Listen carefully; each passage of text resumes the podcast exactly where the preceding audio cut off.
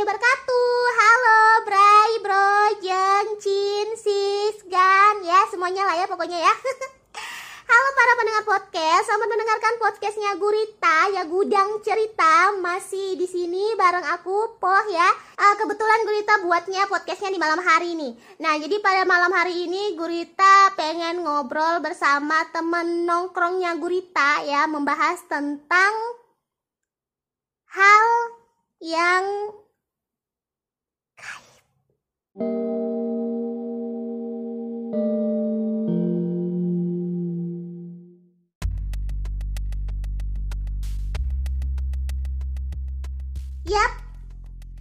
jadi perlu ditekankan di sini kalau kita ini hanya sekedar teman nongkrong doang. Jadi teman nongkrong yang pingin ngobrol doang. Nah, itu aja sih ya.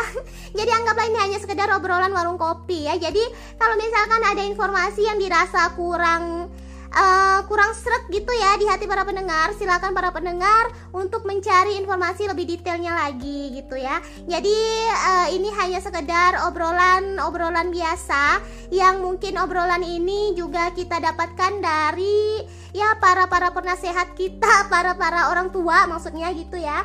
Jadi kita sampaikan kembali dan uh, katanya teman-teman po ini pengen uh, membagikan pengalaman mereka nih tentang hal ini. Nah, apa yang mau mereka sharing tentang hal ini?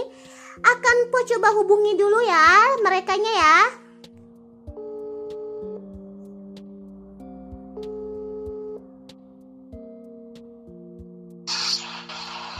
Halo. Assalamualaikum, halo. Halo, Waalaikumsalam. Assalamualaikum. Waalaikumsalam, halo. Nah, ini kalian belum belum pada kenal ya berdua ya? Padahal mungkin Iya, bisa bisa jadi kenal. bisa jadi kalian pernah ngobrol loh di dulu di dulu lagi. eh by the way aku ini loh ada aku aku ada memar-memar deh ini di kaki kayak apa kena cubit setan ya? Wah, wah, wah. Kena cubit setan apa gimana ya? Setan deh. Wah, kayaknya dicubit setan itu. Emang itu beneran? Emang itu beneran ya? Emang emang setan bisa nyentuh manusia sih? Emang setan bisa nyentuh manusia ya? Kan, kan setannya lagi ketawa dong. Iya.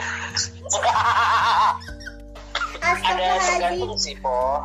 Apa gimana? Tergantung tergantung sih ada beberapa pandangan sih kalau cubit setan itu Eh itu serius? sisi medis atau sisi orang zaman dahulu kala Oh jadi itu serius ada? Beneran dicubit setan? kalau kata orang dulu sih cubit setan. Gue gue juga pernah sih tiba-tiba memar ya tiba-tiba memar jatuh enggak apa apa enggak ya maghrib maghrib atau gue uh, pulang dari kayak dari hutan gitu hiking tiba-tiba memar-memar padahal gak ada senggol apa apa kalau kata orang tua gue sih setan Apa jangan-jangan kita nggak sadar gitu kan? Ngigo-ngigo taunya plok gitu kan? Entah kena apa terus kejedot apa gitu kali ya? Memar kalau kalau kondisi lo masih sakit kan? Oh iya sih, iya juga ya. Emang enggak kan? Nah, Enggak sih. Coba kita tanya kepada setan yang di Lembang Wah, waduh, wah sekati-kati. Ini mah setan goblin, asik. Nah, Gimana Kang Denny nih, gimana Kang nih? Kang Denny? Kang Denny pernah Kang nggak gitu? gimana? Kang Denny pernah nggak gitu? apa teh bangun Pernah dibagi setan nggak? kalau gitu sih nomor enggak paling kalau ada interaksi sama jin Ya. kita lebih Ih, serius ah, serius, serius, serius. Jadi horor gini. tapi kalau kalau di kasus yang po sih kalau bang Bud ada beberapa sih yang ditemukan kayak orang dia bisa interaksinya kayak yang apa ya eh entahlah ada ada kasus pernah dulu tuh di bagian-bagian tertentu di tubuh orang tuh jadi memar kayak ada bekas bukan cubitan sih kayak dia memar di sebagiannya kayak tangan atau apa itu ada sih emang tergantung jenis gangguan jinnya Oh, jadi itu Iya. emang, emang karena disenggol jin. Eh, disenggol apa dicubit sih? Ada yang bilang disenggol, ada yang bilang dicubit. Ada yang disenggol yang dicubit. Tapi Ih, di medis bedanya? juga ada istilahnya. Bedaannya, langsung bedaannya gimana Di medis bedanya? juga ada. Oh, di medis juga ada. Kalau di medis, Ah, kalau di medis, kalau di medis itu namanya purpura simplex. Nah, tuh. Oh ini pembekuan Oh. pembekuan darah gitu ya? Nah, pembekuan darah, pembekuan darah itu kalau di medis, kan? Oh mungkin kayaknya kita ambil yang logika aja kali ya daripada horor-horor ya kan? Horor Cin, maghrib Cin. Udah udah ini Cin, udah Isa Cin. Oh iya, Cin juga baru aja azan ya benar. Oh jadi kalau dalam dunia medis tuh emang ada ya? Kalau memar-memar nggak ada, Ada, sebab ada. gitu ya? Namanya apa tadi? Purpura simplex. Purpura simplex. Eh bener nggak sih? Eh benar ya? sih? Apa? Dulu sih gue pernah pernah ini baca-baca kayak kalau nggak salah purpura simplex gitu kayak ada ruam yang gak dikenal gitu gitu. Ya pokoknya aja. intinya intinya apa sih namanya pembekuan darah lah gitulah pokoknya ya intinya ya. Iya, ah, Iya sih adik juga sih Iya. dengar kayak gitu sih. iya. Tapi kalau kalau kalau kayak ketindihan gitu gimana tuh? Emangnya beneran? Aduh. Emangnya Iya. gua googling dulu. enggak? Kan kata-kata Kalau ketindihan kok sering, eh pernah ngalamin? Sering. sering banget, sering banget gue ngalamin ketindihan mah. Ini siapa nih? Ini Bang Putra apa sih Kang Deni? Yang sering Gue ketindihan. putra foto mantan CEO. Waduh. Sering ketindihan ngapain? Emang apa yang dilakukan nggak baca doa, belum tidur? Bisa dua mah tetep. Itu sih biasanya kalau gue tidur siang kayak gitu. Iya. Oh iya, ngomongin tidur siang, ngomongin tidur siang, bener nggak sih Kang Deni? Kang Deni pernah dengar nggak istilah katanya nggak boleh tidur eh, setelah asar? Katanya Iya, gitu. emang nggak boleh. Oh, secara medis kan itu tuh metabolisme tubuh tuh di, dari asar sampai jam maghrib tuh lagi panas-panas ya jadi nggak boleh istirahat di sana satu yang keduanya kalau misalkan memang istirahat biasanya itu ganggu ke alam bawah ke alam bawah sadar sih. jadi kayak kesadaran kita kita tuh jadi berkurang di sana ketika pas bangun. Jadi kayak yang kita linglung atau misalkan emosi naik kayak gitu. Makanya di asar apalagi maghrib nggak boleh. Kayak gitu sih. benar. Ih, tapi aku tapi kadang aku ini kan aku kan biasa kan baliknya itu ya jam 3-an gitu kan. Kalau udah pandemi kayak gini kan jam 3 nah kadang tuh nggak sadar itu ketiduran gitu. Tahu taunya deket-deket maghrib udah baru kebangun kayak gitu. Terus aku ceritain besok paginya sama temenku. Dia bilang nggak boleh. Dia, dia bilang kayak gitu. Jangan sering kok Oh. Tapi kalau apa apa oh gitu. Yang penting nggak usah sering ya? kalau kalau Ya. menurut gue sih gak bakal ada yang berani ninggi dia di keluar suaranya berkabur semuanya. asik lah kan orang tidur nggak eh katanya denger desitannya juga Jin udah kabur Iya. asik Nah, Eh tapi kan kalau kalau ketindihan kan katanya nggak bisa ngomong, nggak bisa bersuara katanya gimana iya, cerita? bisa nafas susah. Kita itu kayak udah lagi gerakin badan tapi nggak bisa. Oh gitu ya? ya betul. Nah, Padahal gue juga pernah kayak gue tahu ada orang di sebelah gue, Mhm. ada orang sebelah gue, gue udah minta minta tolong, tolong, tolong tarik gue, tolong tarik gue gitu. Gue nggak bisa, nggak dengar dia. iya pas pasti Pernah nggak sih? Pernah nggak yang kayak gitu bisa menimbulkan kematian? Ah, sejauh ini kasusnya belum ada sih Oh, kayak gitu. Kayak gini nggak horor deh bahasanya ya mati. Ya kali aja sih kan kalau saking saking apa namanya kayak beku kan berarti ya nggak bisa Nah. ngomong terus sesak Iya. napasnya berarti nah kan siapa tahu bisa sampai mati gitu orangnya jadinya Betul. tapi kalau secara medis itu namanya henti jantung selama 1 sampai 3 detik kan oh my Atau god paralyzed. ah itu tuh oh ya Kalau analisis paralysis, ya, paralyzed Sleep paralyzed. oh salah salah lagi aduh Itu bukan bahasa medis sih, bahasa kampung gue itu sleep paralyzed itu. Cara kan uh, grand, grandpa gue kan from Holland and oh my grandma god from UK. oke oke sleep paralyzed ya. Sleep paralyzed. Yes, that's right, that's right. oh tapi itu berarti nggak lama ya. Nggak lama ya. Apa kejadiannya itu hitungan detik ya tadi ya? Iya, kalau henti jantung. Tapi kalau misalkan dokter yang lain kayak ada gangguan jin ya Nggak ada yang bilang ya sih gitu gitu. Biasanya sering kejadian tuh anak-anak pesantren tuh. Waduh, dikait-kaitin. Serius dulu kan gue pesantren kan tiga tahun. Aduh sombong. nah ya iya gue mah gini-gini anak pesantren anak baik-baik gue Kang Denny percaya nggak dia anak pesantren? ya gue demi apa pun deh ya kalian bisa lihat aduh nggak usah jelasin lah ya. Nah, anak terus? pesantren suka ngait-ngaitin itu uh, ketindihan. Karena apa? Mhm. jam istirahatnya anak pesantren itu di jam 4 setelah asar ke jam 6 nah rata-rata mereka pada tidur tuh. Nah, karena dari jam 4 subuh udah bangun ke masjid, sekolah, bla bla bla bla, sekolah siang setelah zuhur, istirahat setelah asar. Nah rata-rata kebanyakan pada tidur. Karena kan tidur laginya itu nanti di jam 10 malam dimanfaatin lah habis asar itu eh buat tidur sebagian orang ada yang olahraga. Padahal kalau menurut gue sih itu bukan ketindihan ya. Ya kayak yang Kang Denny bilang tadi gitu. Itu kan jam oh, apa metabolisme tubuh lagi aktif-aktifnya mm-mm, betul. dia tidur akhirnya tidurin jin kan? Beda lagi tuh.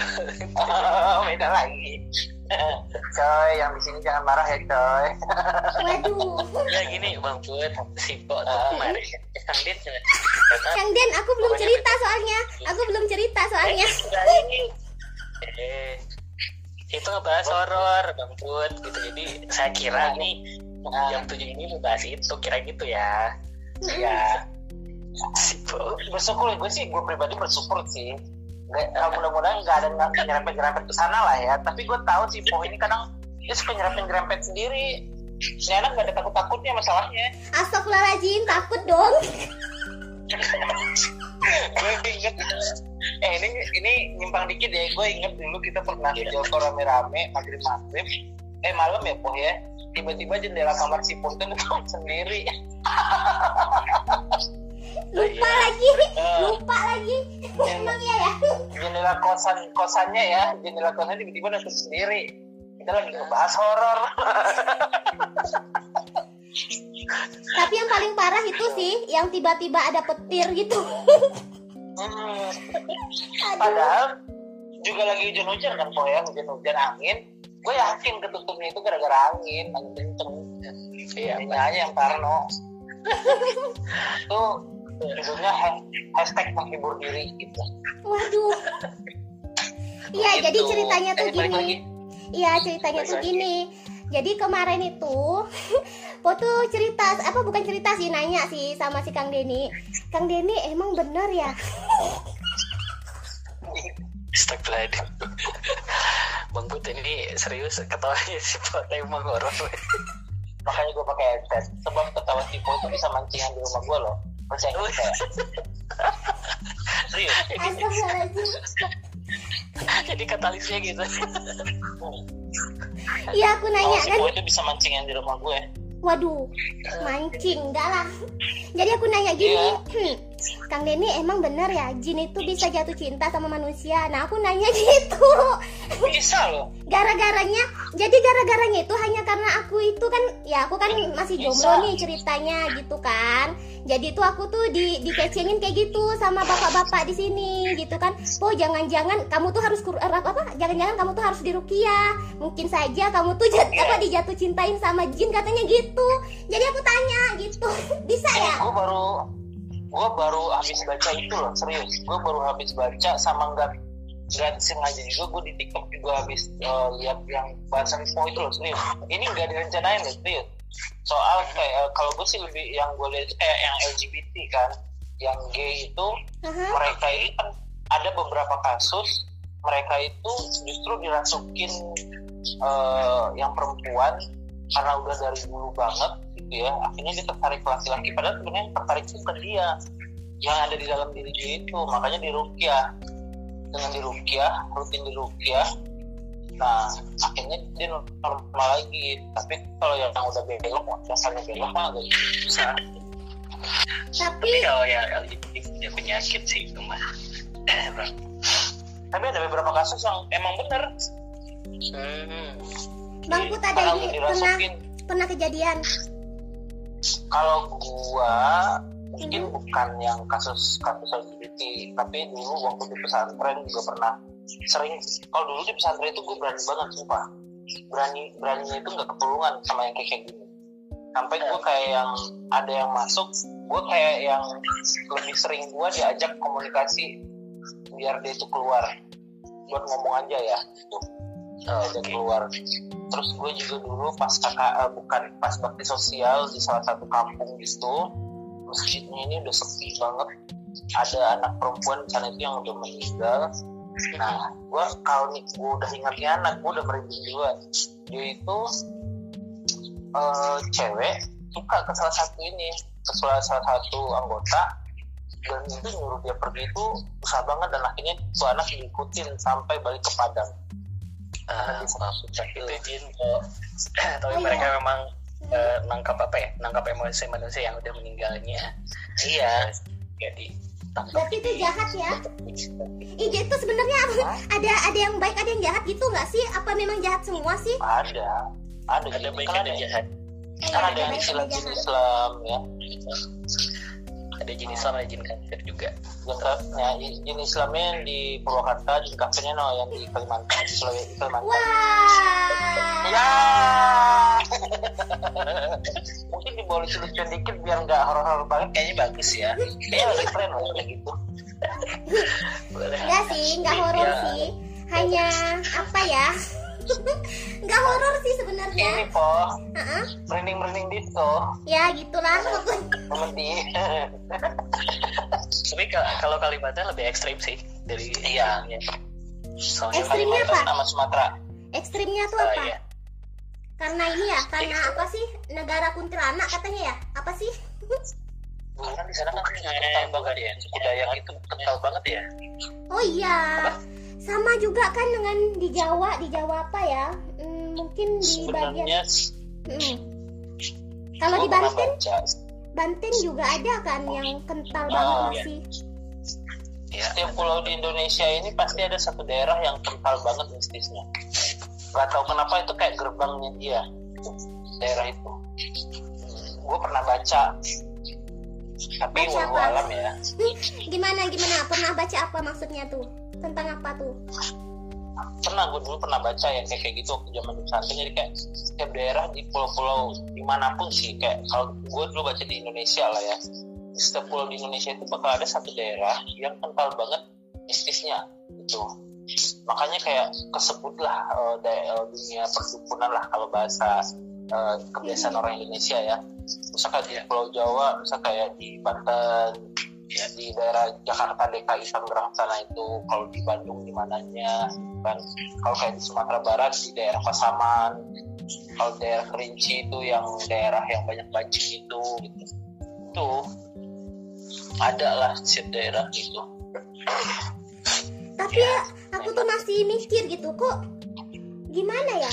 Katanya nih, nah aku aku tuh pernah dengar istilah gini.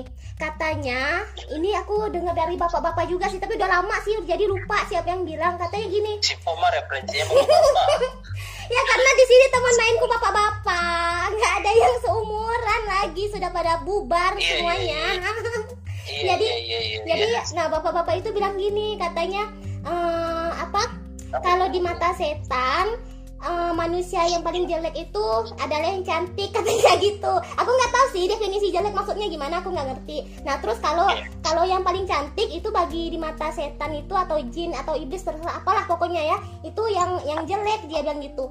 Nah jadi kalau misalkan aku dituduh jin jatuh cinta sama aku berarti aku jelek banget dong ya.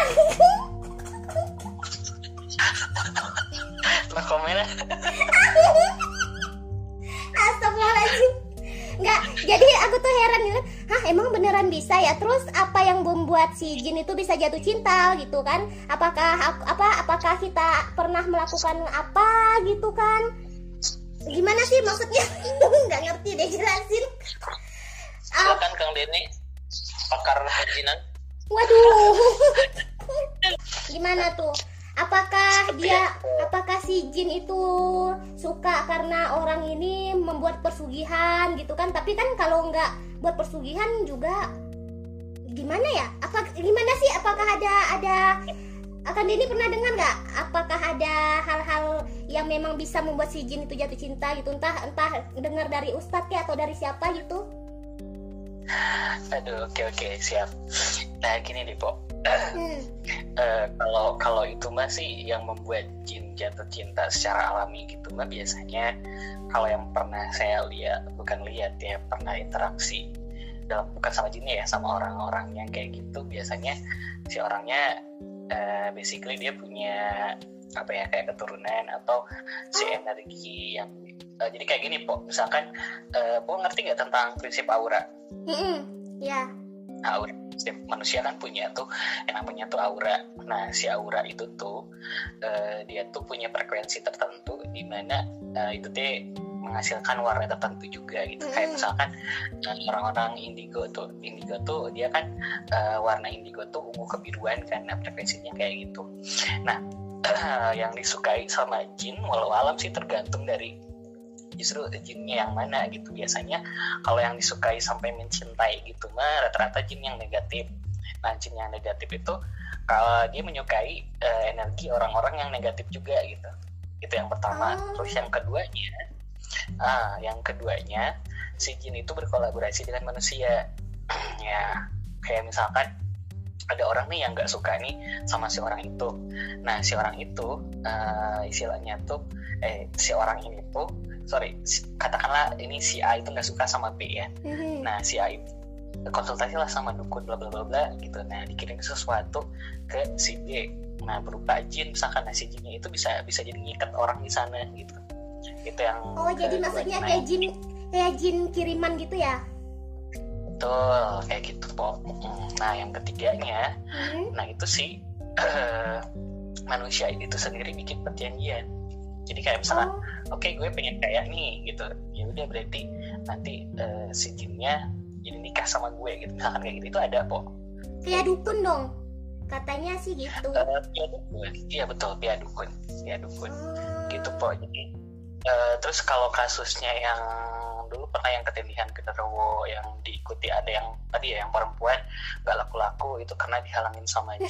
nah iya aku di di apa dicurigai seperti itu gitu sama teman-teman di sini.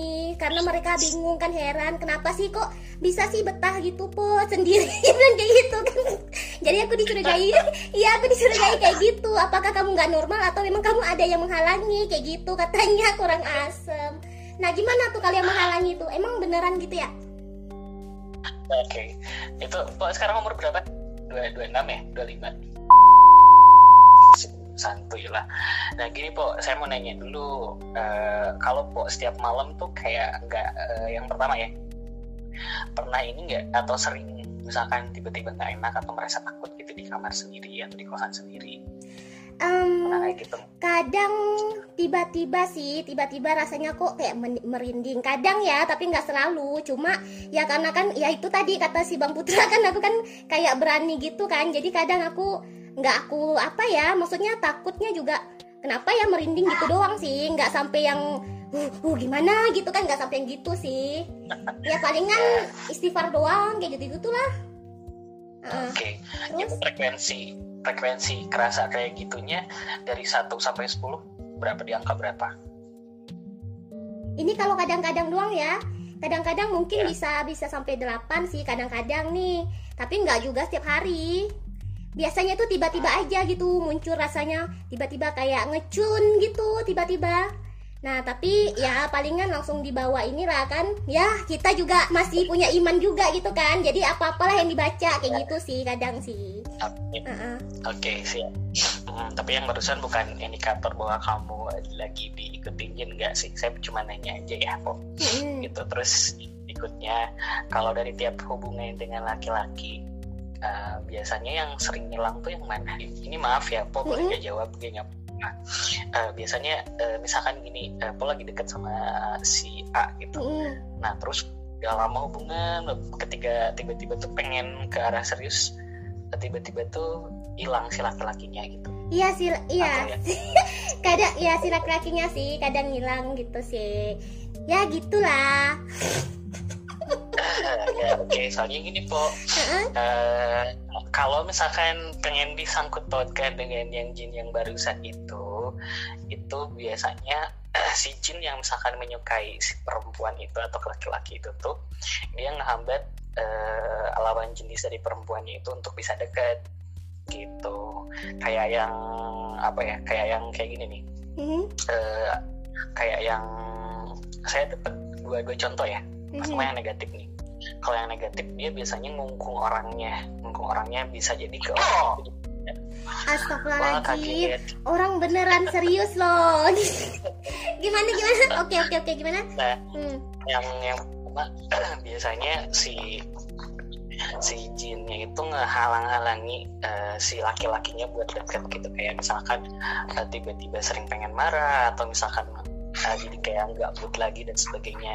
Itu ya intinya eh, apa ya si si jin tersebut ngalang-ngalangin si perempuannya buat deket sama eh ngalangin ngalangin si perempuan buat deket sama laki-laki itu ada sih. Cuman kalau kalau po misalkan merasa kayak gitu perlu perlu ini lagi sih. Perlu indikator yang lainnya gitu po jadi nggak bisa disimpulkan bahwa Mhm. po ini ada yang misalkan suka sama po itu. Nah kalau yang keduanya ada satu temen yang anak IndiHome yang Mhm. dia tuh punya apa sih kayak penjaga gitulah. Uh, penjaga gitu. Jadi tuh sering dia komunikasi sama penjaganya. Dan si penjaganya itu ngasih tahu nih orang baik ini orang buruk dan sebagainya itu kayak gitu itu ada dan Gua itu ada sekarang ngalamin. juga. ada ada ada Tapi Bang. bukannya Gue juga. Katanya Di gue kita ada itu. Katanya kita di setiap manusia ada memang penjaganya Maksudnya memang Oh ada ya, malaikat kanan kiri. Bukan Bukan memang ada Memang ada ininya katanya Katanya sih nggak tahu sih Dan Kalau aku tuh Sunda kodam ya. Eh, ya hodam ya betul bang kayak hodam gitu. Cuman saya juga nggak terlalu begitu paham banget sih tentang istilah hodam karena memang ada orang yang menyebutkan itu memang harus dibeli ada juga yang memang dari turunan Bawaan. ada juga yang memang nggak betul bawaan ada juga yang memang eh, istilahnya tuh dikasih sama orang kayak gitu. Cuman nggak terlalu paham banget sih tentang itu mbak. Cuma yang jelas memang setiap manusia kan ketika lahir itu berbarengan sama satu jin satu Nah, jin. itu dia maksudnya jin jin korin po Ya jin korin. Gitu Nah kayak gitu. Mungkin karena Ya. aku udah mau berpikir memang ada yang jaga kali kan. Jadinya aku nggak begitu yang seperti yang kan biasa kan kalau kalau orang yang penakut kan beneran takut banget gitu kan. Sampai ke WC juga nggak berani kayak gitu kan. Aku kan nggak sampai kayak gitu gitu maksudnya? Ya tapi gini po hmm? kalau kalau jin korin itu bukan jin penjaga tapi emang jin yang memang uh, menyerupai diri kita gitu. Itu tuh. Dan itu ada ketika kita misalkan amalan kita baik mereka dia juga ikutan baik dan ketika Iya. buruk itu juga mereka ikut juga buruk kayak gitu sih. Jadi itu bukan jin penjaga. Kalau Oh. jin penjaga itu iya, ada lagi. Yang itu yang yang pertama karena ada turunan. Yang keduanya itu biasanya dibeli atau dikasih orang. Kayak gitu. Ditanemin ya. ah betul. Betul bang. Ditanemin. Kayak oh gitu. iya Gue iya ada pengalaman tuh. Tentang apa? Tentang yang diceritain barusan masalah yang ngejaga-jagain atau yang kayak gitu. Baru aja habis gue alami. kenapa tuh? Gue kan habis. Per- ini nggak sih? Gue alam ya. Eh, pernah nggak sampai yang jagain Bang Koto itu sampai apa ya buat sesuatu hal masalah gitu yang merugikan Bang Kotonya gitu? Masalah sih nggak pernah. Oh. Gue lu gue dulu sering gue dulu pernah cerita deh po ya di di waktu di station. Apa tuh? Kalau gue itu Hmm. gue pernah kalau gue lagi sakit ya gue kalau lagi sakit terus nggak ada yang kayak medulin gue itu gue di titik yang udah nggak bisa ngapa-ngapain biasanya di hari ketiga itu ada yang datang ke gue oh ada yang datang ke gue Dia berbentuk manusia apa berbe- hanya sekedar seperti apa ya bayangan atau halusinasi atau gimana? ada bukan yang halusinasi gue sih. dibilang gue sadar gue nggak tahu dibilang Hmm. nggak sadar gue sadar waktu itu gue cuman ini kadang di- dulu pernah kejadian juga Eh, gue di posisi kayak yang ditaruh di pahanya terus dia kepala gue diusap terus dia bilang sabar ya insya Allah besok kamu sembuh oke insya Allah loh besoknya gue Itu berbentuk berbentuk manusia apa berbentuk apa gitu? Makhluk lain gitu? lah grandma grandma gitu Oh, berarti Iya, manusia dong, manusia dong. dulu juga di kosan gue yang lama gue sempet sakit tiga hari gak Hmm. keluar kosan udah karena gue udah nggak bisa ngapa-ngapain tiba-tiba ada yang bisa mijit gitu itu cuman dia juga punya ya punya itulah ya Mhm. eh, nyariin ke tetangga gue ada nggak di sini eh, anak-anak seberang katanya ya yang tinggal anak seberang gemuk katanya. Oh dia didatengin sama neneknya katanya. Kalau cucunya lagi sakit perlu bantuan katanya. Dan tetangga ini cerita dari tetangga gue eh, dia lagi sakit banget katanya. Udah parah banget sakitnya katanya. Nah terus tetangga gue bilang emang ada orang seberang di sini katanya kan. Eh, cuma kayaknya dia lagi ke Bandung katanya. Lagi ke rumah keluarganya di Bandung. Sebab udah tiga hari ini bisa nggak dibuka kosannya? Kayaknya dia di dalam katanya iya benar. Pas dibuka ada gue di situ dia ngomong. Nah, gue didatengin katanya. Masih tahu kalau lu udah tiga hari sakit katanya. Ada yang kayak gitu. Tapi gue nggak pernah ini nggak pernah apa namanya? Keluar kalau keluarga ah nggak pernah. Keluarga gue emang keluarga nyokap itu uh, masih zaman zaman Belanda dulu kan karena kakek buyutnya gue itu kan orang Belanda jadi dia Hmm. itu bisa dikenali nggak? Bukan orang Belanda. Gitu. Dia bisa dikenal orang nggak kenali dia kalau dia itu orang Belanda gitu. Hmm. karena dulu itu ad- eh, gue tak lupa tahun berapa gue pernah cerita di nenek buyut gue dia itu eh, mau dibalikin ke Belanda semuanya waktu. Ada nggak nonton filmnya si Iqbal yang film ini Belanda gitu yang orang Belanda ini dipulangkan semuanya? Nah itu keluarga gue mau sempat mau dibawa balik ke Belanda. Nah karena dia nggak mau balik ke Belanda dia kayak dipasangkan gitu. Akhirnya nurun gitu. Nurun nurun terus yang ngejagain itu katanya. Nah cuman di keluarga gue nggak pernah nerima. Dari yang turunan nenek gue ke gue nggak mau nerima itu. Tapi katanya pas nenek buyut gue nenek buyut gue itu meninggal di umur 99 kita nggak tahu turunnya ke mana. Karena kalau kata orang tua tua dulu itu dia itu ketahan meninggalnya karena nggak bisa diturunin. Harus diturunin dia baru bisa pergi gitu. Jadi dia itu emang udah nggak bisa ngapa-ngapain. Eh aduh gue baru umur cinta lagi. Dan ya itu. Dan itu makanya eh, kita nggak tahu turunnya ke siapa gitu. Ya. nah setiap ada orang ketemu sama kayak kemarin nih kemarin gue kan habis mudik dua 10 hari dari Padang ya. Eh, terus eh, nyampe di sini gue meeting kan lagi ada pemilihan serikat buruh gue kebetulan SC pas kita lagi meeting kayaknya nih orang nggak ada isinya juga gitu. Pas lagi break gitu dia datengin gue "Eh, Pak Putra ya ada apa? Pulang kemarin ngisi ya? Ngisi? Gue bilang iya berat badan gue naik. Gue bilang begituin ya. Enggak bukan ngisi berat badan kata Pak Putra pulang kemarin ngisi ya katanya. Si naon? Gue bilang ya udah gak usah bohong katanya. Gue tahu katanya. Baru gue connect. Oh enggak lah mana ada gue ngisi-ngisi kayak gitu. Enggak ini ngisi ini pulang. Padahal gue nggak ada kenapa ngapa-ngapain. Cuman bokap ngasih lihat. Gue kayak bokap ngasih lihat dia didatengin ada yang ngedatengin dia eh, keturunannya dia lah ya. Ngasih itu layar mimpi senjata gitu. Layar mimpi loh itu beneran loh. Jadi ngasihnya lewat Barang. mimpi, lewat mimpi. iya tuh. Oh, iya tuh barang pas bangun udah ada di sebelah dia. Yang jagain dan gue ngeliat sendiri kayak keris gitu bisa berdiri di atas sarangnya di samping sarangnya dia nggak ada alas apa apa gitu dan itu cuman bokap dan bokap jadi keluarga gue itu nggak ada yang kayak kayak gitu gitu. Cuma karena dalam mimpi gitu akhirnya si bokap nyimpen nyimpen barangnya gitu. Nah mungkin feeling gue orang itu ngira gue ngisi itu karena gue ada habis kontak sama yang begitu begituan nah gue biasanya kalau ada habis kontak dengan yang begituan suka bisa ngerasain banget gitu. Atau gue lagi sakit gue bisa ngerasain yang mistis-mistis gitu. Itu makanya gue kayak yang kalau yang gue pribadi ngalamin sih. Kalau yang dibilang eh Dani tadi itu. Ya. eh Kang Denny ya sorry. Itu Apa-apa. oke tapi walau alam Denny bisa ngerasain lah ya saya Tapi- dia ahli permistisan Nggak juga. pernah pernah juga sih. masalahnya Pernah juga sih dulu banget ya udah ya mungkin sekitar empat tahun yang lalu lah gitu ya. Eh, pernah tuh dulu ada temen kan. Nah tuh dia tuh bilang sama aku katanya kan katanya katanya sih dia itu bisa merasakan gitu kan tapi nggak bisa lihat cuma bisa ngerasain. Nah dia bilang katanya aku tuh ada yang jagain. Terus eh, penjagaku tuh marah sama dia katanya dia dia, tuh nggak boleh deket-deket sama aku katanya kayak gitu. Nah akhirnya dia dia tidak tidak tidak dekat lagi dan aku juga tidak ingin mendekatkan diri juga sih dengan orang itu. Iya sih. Kayak gitu.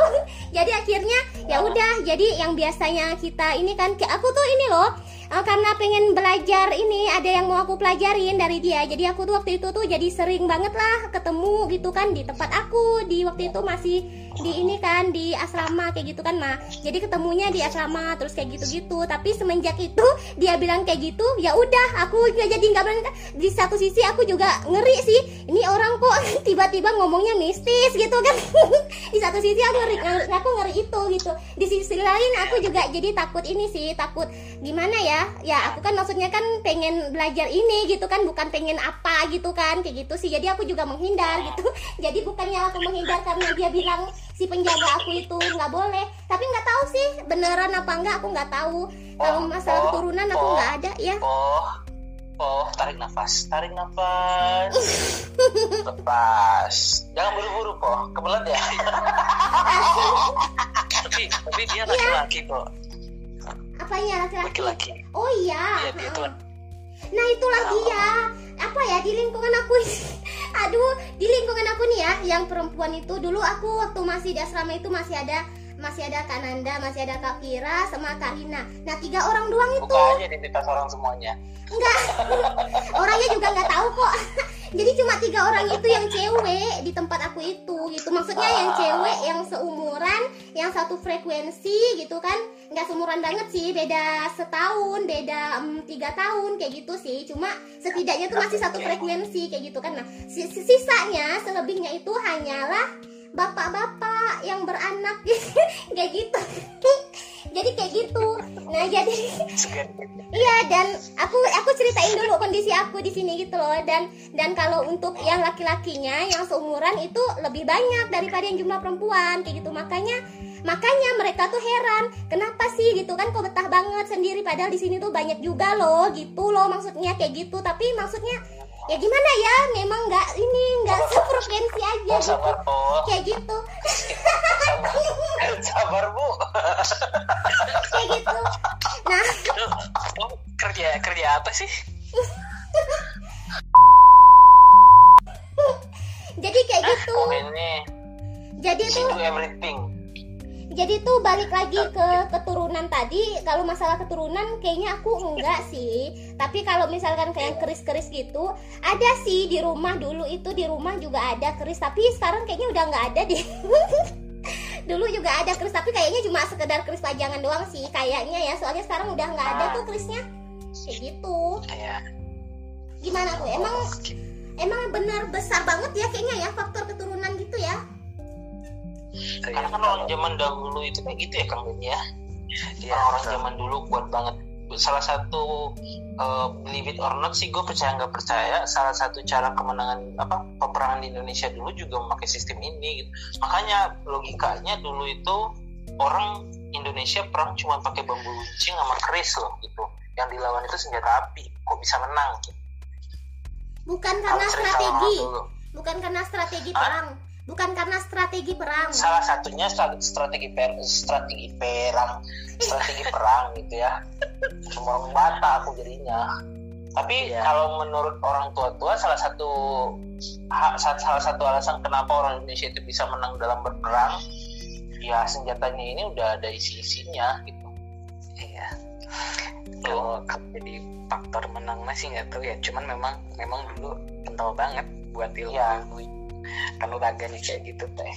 dan itu only in Indonesia Hmm. ya.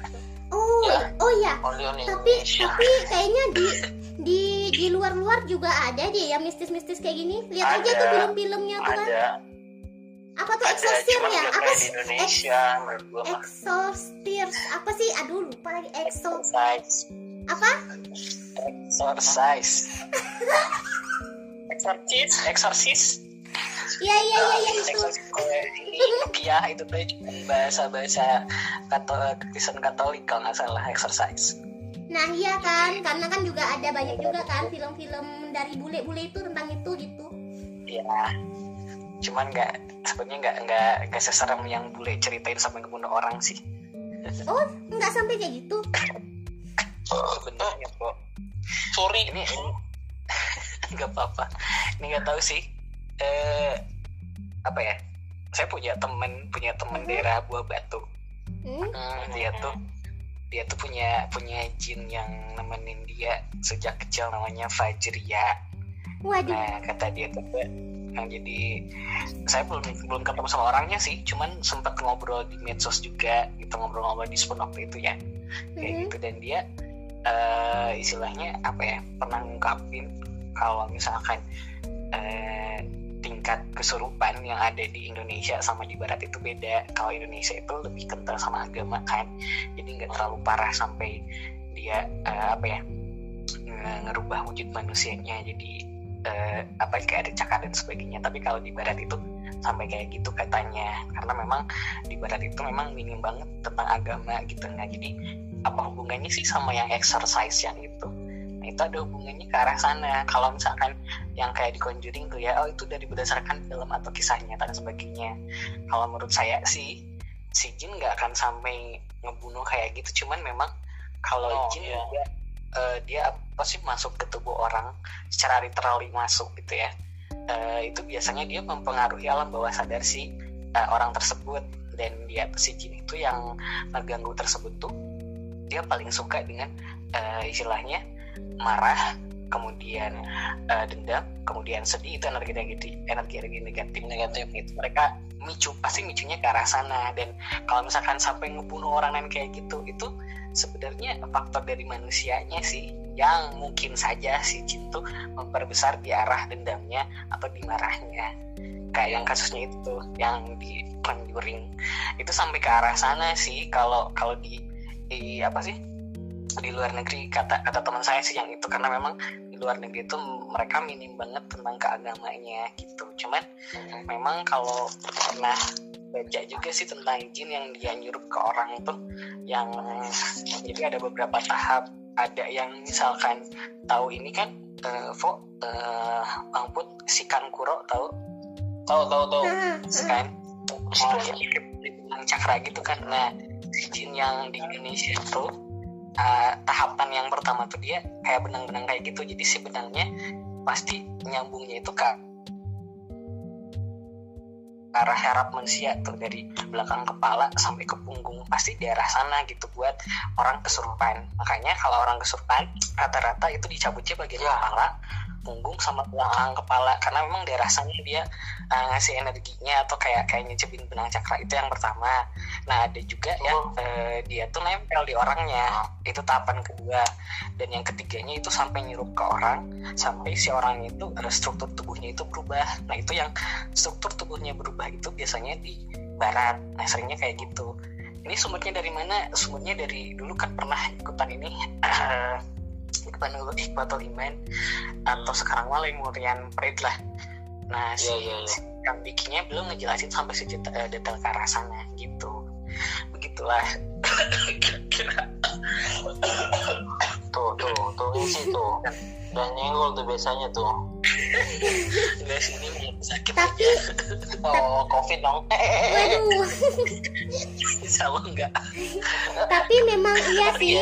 Ya. Katanya jin itu memang bisa berwujud manusia juga gitu kan. Jadi mungkin Ya, bisa ya. juga kayak menghasut Bisa juga menyerupai. gitu kan. Iya, menyerupai manusia. ah Dan dia mungkin juga bisa menghasut bunuh dia, bunuh dia gitu kali ya. bisa ke arah sana bisa cuman di sini mah jarang ya jarang yang kayak gitu mah biasanya yang di sinetron sih biasanya kayak gitu. Betul betul. Karena memang eh, Bang Put eh, Pok kalau untuk yang itu mah pasti yang setan yang menakutkan sedemikian rupanya sampai ngebunuh orang itu cuma di movie atau film-film sebenarnya. Iya. Oh. iya setuju nggak kayak Sebab- gitu cuman biasanya mereka cuma menakut-nakuti atau kalau dia marah dia negur gitu ah betul. Sana lu jangan belagu lu. Aduh merinding deh gue. Nah, nah ini ada aku satu jadi ada satu lagi nih. Ah. masih dari keluarga gue. Gue pulang kemarin ya. Mhm. gue punya adik kelas 2, 2 SD eh kelas 4 mau naik kelas 4 SD sekarang. Ya. Ngomongin masa yang pusaka-pusaka itu. Mhm. dia ini lagi disayangi nama kita manggilnya Inya gitu ya. Eh, kakek-kakek dari Merapi Gunung Merapi. Oke. nah dia tuh disayangin banget sama dia. Sampai eh, dia pesen ke bokap gua dia nanti sunatnya pas udah umur eh, umur 12 tahun aja katanya. Dia mesennya ke bokap sampai kayak gitu. Eh, karena dia mau dibawa ke Merapi katanya. Balik lagi gue walau alam ya. Walau alam itu karena dia mau dibawa ke Merapi katanya dan gue ngelihat sejak waktu gue pulang kemarin itu ya balik lagi kayak yang gue bilang tadi gue bisa ngerasain yang kayak kayak gitu. Bisa ngerasain ya. Tapi mudah-mudahan jangan sampai gue ngelihat itu aja. Eh gue bisa ngerasain terus kayak interaksi itu paling kayak ada bentuk dinding kayak gitu gue bisa ngerasain kayak kayak gitu. Cuma yang sampai ketemu langsung alhamdulillah sih nggak pernah gitu ya. Dan jangan sampai lah gitu. Eh itu gue ngerasain tuh ketika di gue ini diolok-olok sama saudara yang lain itu kayak bukan dia yang marah gitu. terus gue duduk di sebelah dia bukan nggak boleh gitu kayak gue bilang gue bilang ini nggak ini nggak boleh ini nggak boleh kayak gitu gue bilang ini nggak marah nggak suka marah gue gituin kan tuh jadi kayak anak-anak kan emosinya masih up and down ya jadi Mhm. gampang kan jadi gue itu kayak eh, dia bilang ini adik gue ini bisa ngobatin orang nanti gedenya katanya kan. Sampai kayak gitu sampai dititipin pusaka satu buat adik gue Wow. serius. Percaya nggak percaya kalau nggak percaya main ke bukit tinggi. Itu sampai dititipin pusaka satu pisau. Tapi yang si pisau ini nggak boleh dibawa ke mana-mana karena dia masih kecil banget kan. Sama satu lagi. Nggak tahu apa yang lagi nempel di pecinya jadi si peci ini nggak boleh dicuci gitu. Kata kata bokap nih bokap cerita kemarin ya si peci ini nggak boleh dicuci dan nggak boleh saya kayak nggak boleh ada yang jahil ke adik gua. Kalau ada yang jahil ada aja kejadian ya kan? Hmm. dan kemarin itu sepupunya lagi bercanda-bercanda dia lagi pakai peci. Ditampol lah si peci ini. Hmm.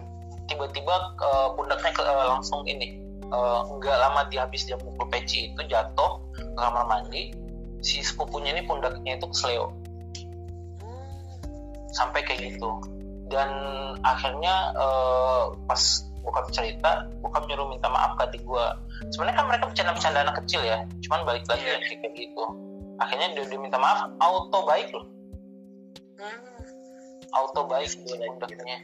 oh, langsung sembuh lagi. Itu gue kayak yang percaya nggak percaya sama yang kayak begini gitu kayak dulu juga gue juga pernah waktu di aplikasi eh, Garpu ya yang kuning itu Mhm. eh ah, ya itu apa itu aplikasinya jelas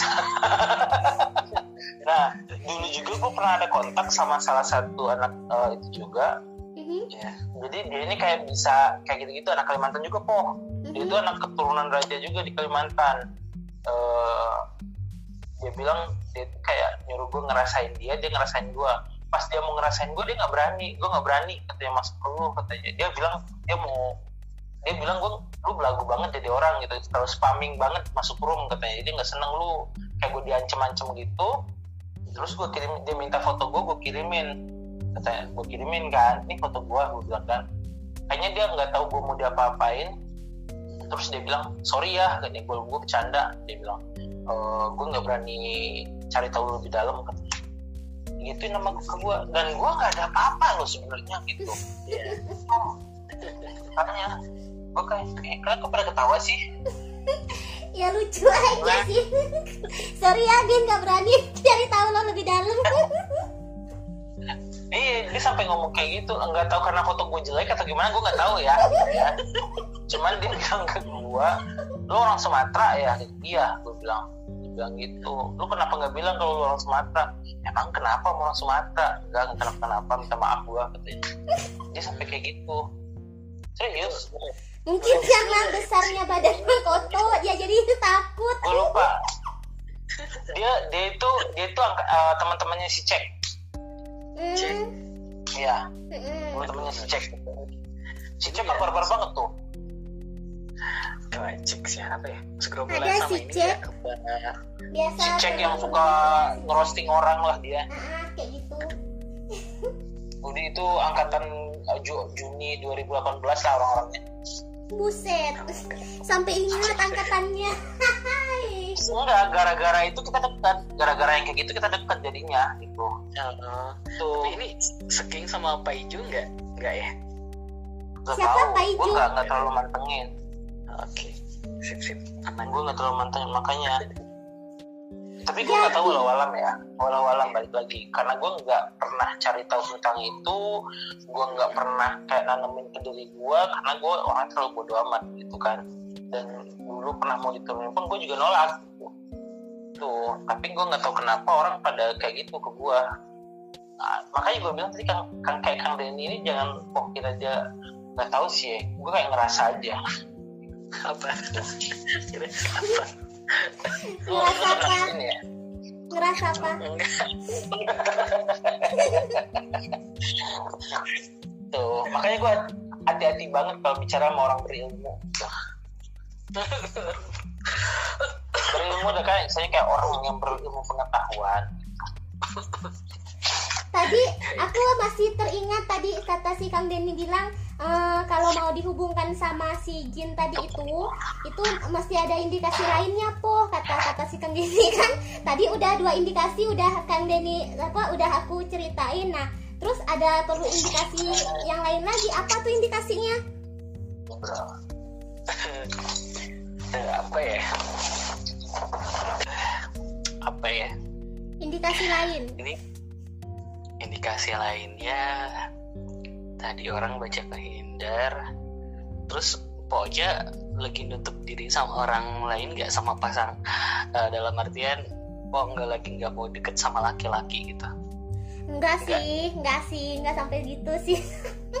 Enggak sih terbuka sih aku tuh. Nah eh, gini pertanyaannya po ingin punya pasangan sekarang nggak? Atau memang nggak mau? Ah santai dulu gitu lebih ke condong yang mana karena kata orang bilang biasanya cewek itu 25 ya kan? Dan sedangkan saya sudah melewati jadi saya rasa tidak masalah sih mau sekarang ke mau nanti mau kapan gitu Oke. nggak apa-apa heeh. oh. Ya tapi tapi ini po heeh, gimana? sering sering ini nggak misalkan mimpi mimpi mimpi ketemu sama hal yang aneh gitu atau misalkan ya apa sih eh, ya si Po tuh kan indikasinya dia eh, kata orangnya ada jin yang eh, apa sih namanya tuh nyukai dia gitu. Nah ini sering sering ini nggak misalkan mimpi mimpi yang aneh kayak yang ketemu sama laki-laki. Atau misalkan Po tuh ngerasa kayak yang diperhatikan terus gitu. Cuman beda ya beda diperhatikannya kayak yang memang eh apa sih teh? gitu apa gitu. Kayak gitu nggak sih ngerasanya kok? Kayaknya enggak sih. Eh, kalau mimpi kalau mimpi aku tuh nggak tahu ya ini pengaruh film apa pengaruh apa gitu kan kalau mimpi aku tuh suka mimpi yang kayak gini. Misalkan aku nih ada di suatu tempat misalkan eh, ada di suatu tempat terus ada di situ tuh banyak air kayak gitu kan. Kayak dibilang sungai tapi lebih luas dari sungai kayak gitu. Nah aku tuh berdiri di situ kayak gitu-gitu sih. Tapi kadang juga sama keluarga aku gitu aku mimpinya. Ada bapak ada ibu kayak gitu-gitu. Kayak gitu mimpi-mimpi aku tuh kalau ini masih po ntar coba kita cobain yang keempatnya. Apa tuh? Kita ya cobain ini aja. Kita coba dilihat gitu. Siapa tahu tapi kalau saya rasa masa enggak sih bukan masih belum jodohnya cuman kayaknya sampai masih lah. terikat sama ini deh sama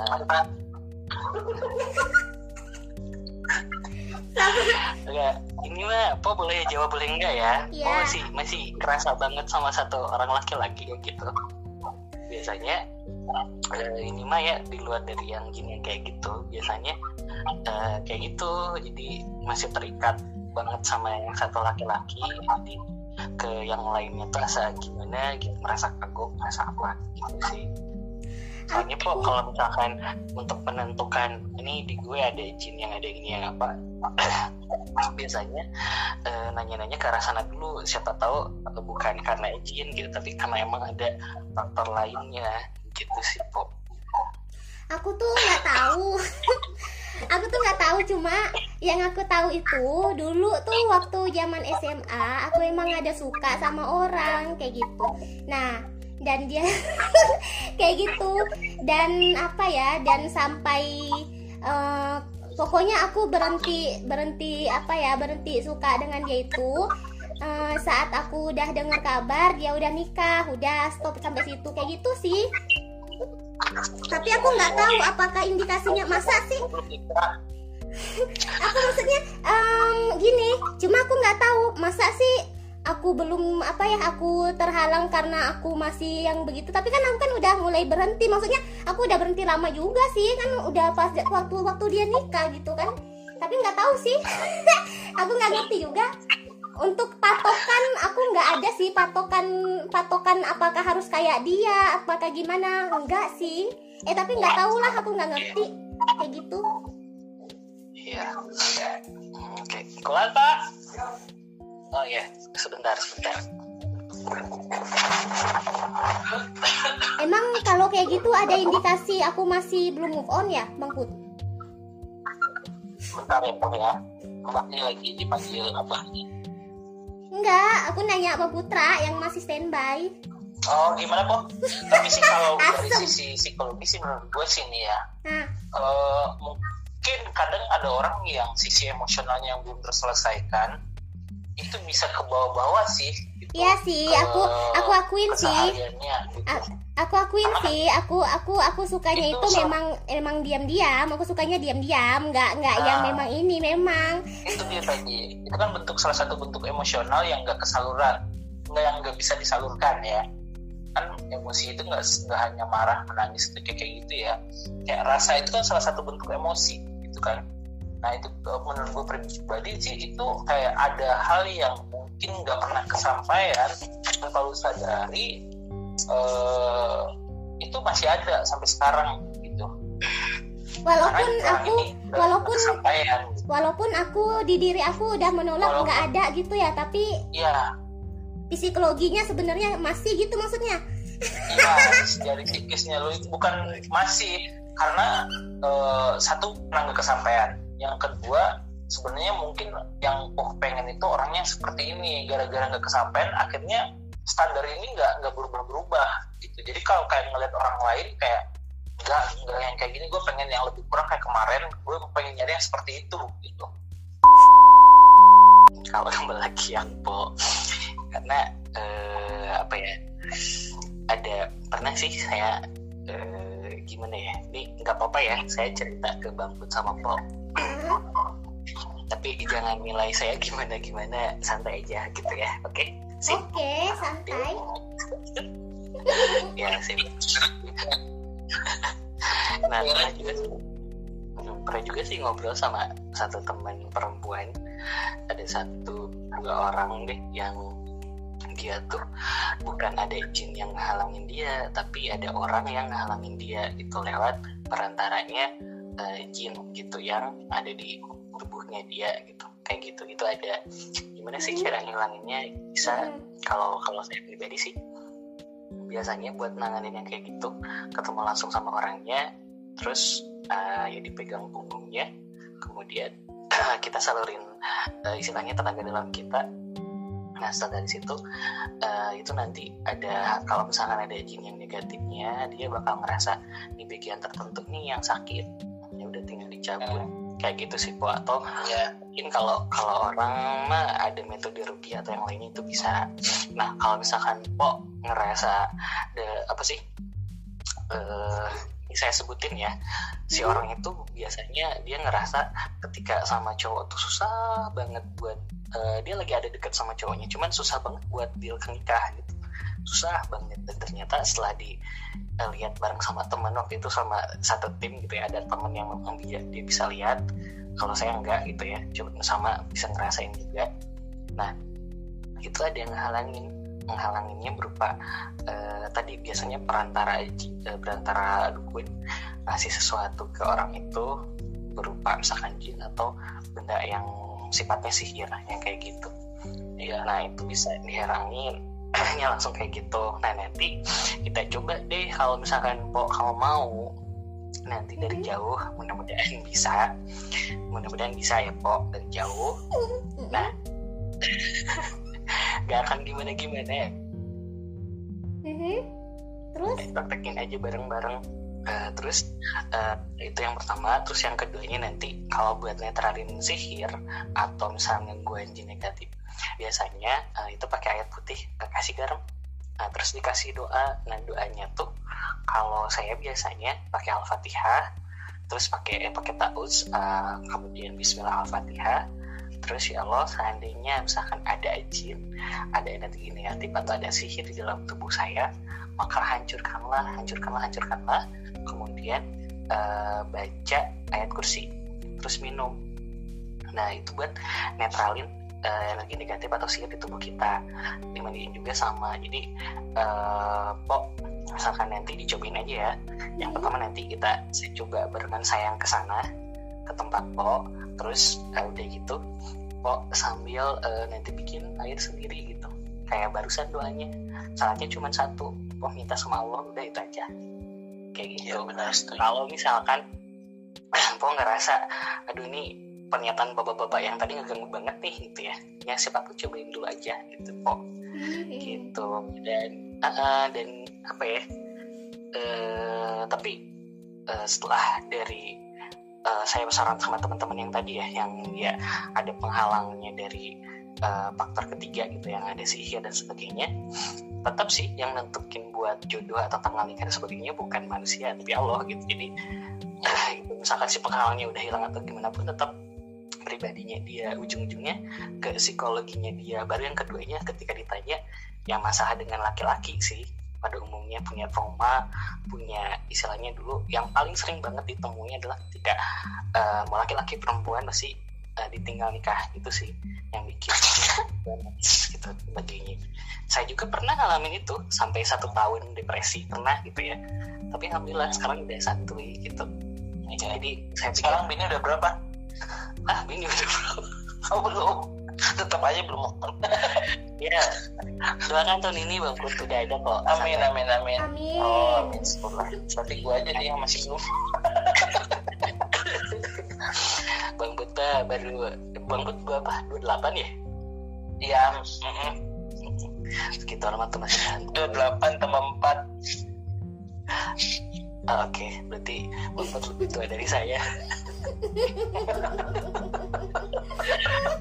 Oke, okay. insya Allah sih, salah judul mah tetap sih kami lagi ke Allah gitu ya. Iya.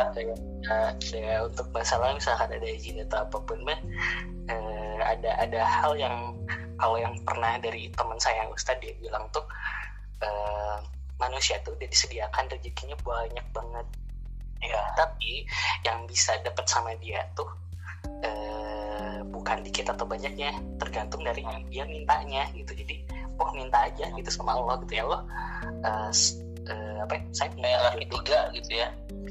laki tiga satu aja nggak boleh tiga Cowok baru boleh punya bini tiga ya. boleh dengan syarat-syarat tertentu yang ketat Iya iya iya. Oke lanjut. kayak gitu kok gitu Nah. Oh. gitu kalau mau nih kita coba praktekkan sekarang kalau mau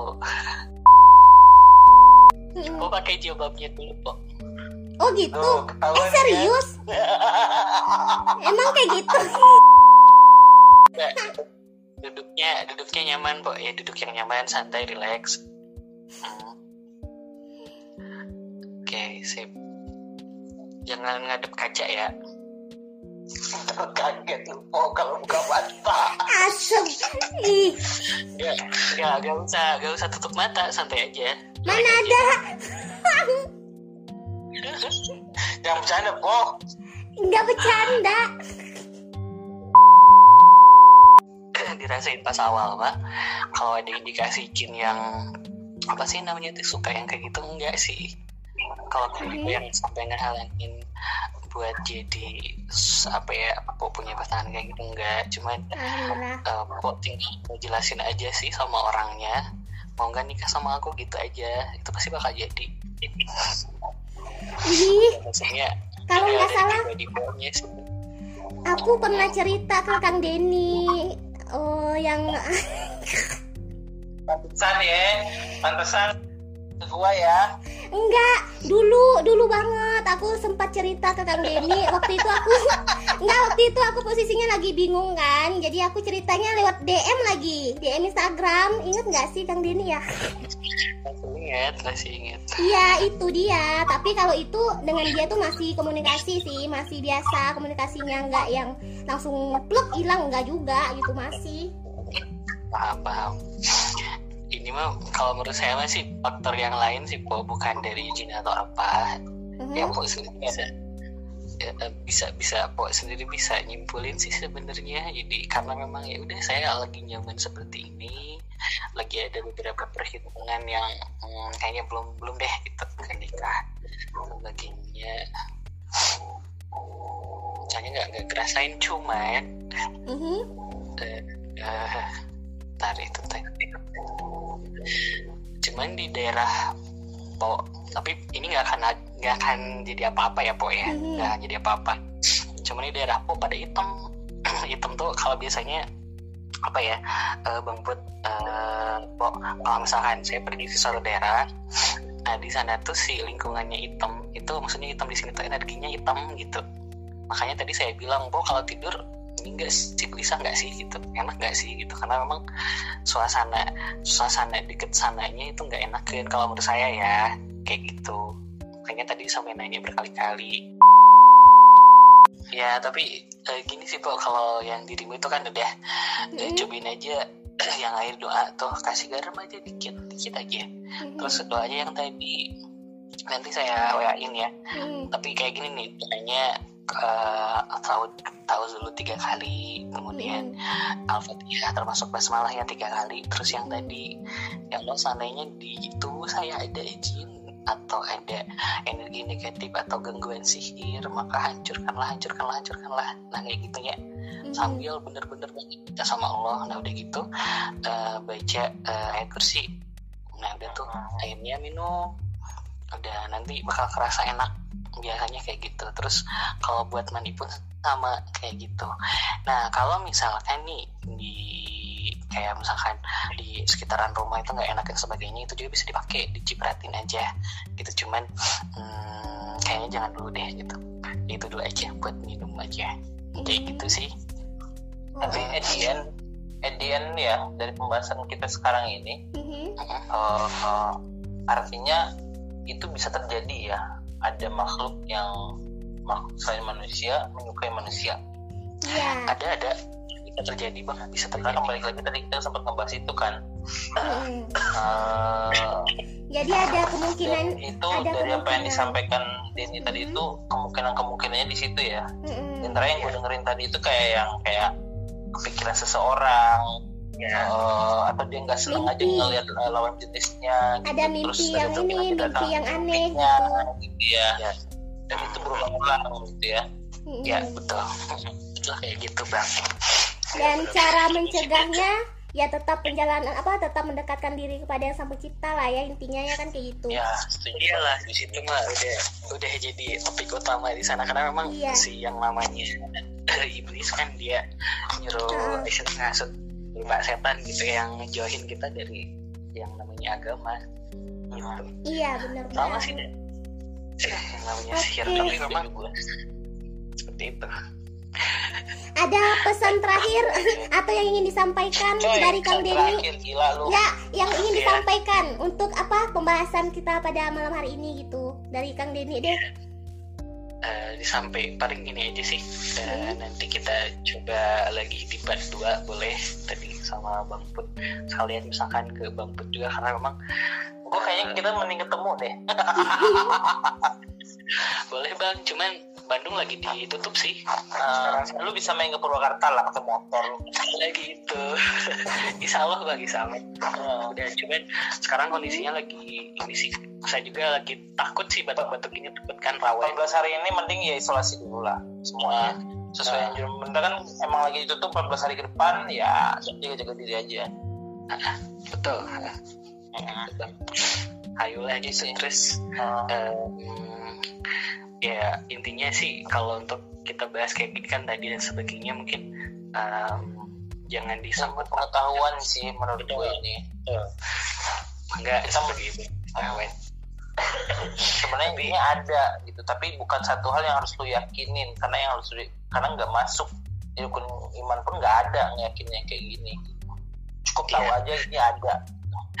ya betul mengakui adanya kegoiban karena kan memang yang Iya. diciptakan selain manusia kan jin juga ada Iya. Iya. tujuan Dan itu ada banyak di Al-Quran tentang jin dan setan itu. Iya, betul ada dong suratnya. Tuh, salah satunya tuh Hmm, yang di Kalimantan sekarang yang lagi ngomong. Oke deh, thank you ya untuk waktunya berbincang-bincang kita, bincang-bincang Iya, santai aja sih. oh, Thank Denny, you. makasih ilmunya juga. Hmm, thank you Kang Denny, Bang Putra Foto. Ya semoga Iya. lah ada isinya ya. tergantung sih ada isinya apa enggaknya tergantung dari sudut pandang pendengar kan. Ya, setuju Kita mah ngobrol ngalir aja gitu, ngalir ngidul. banget.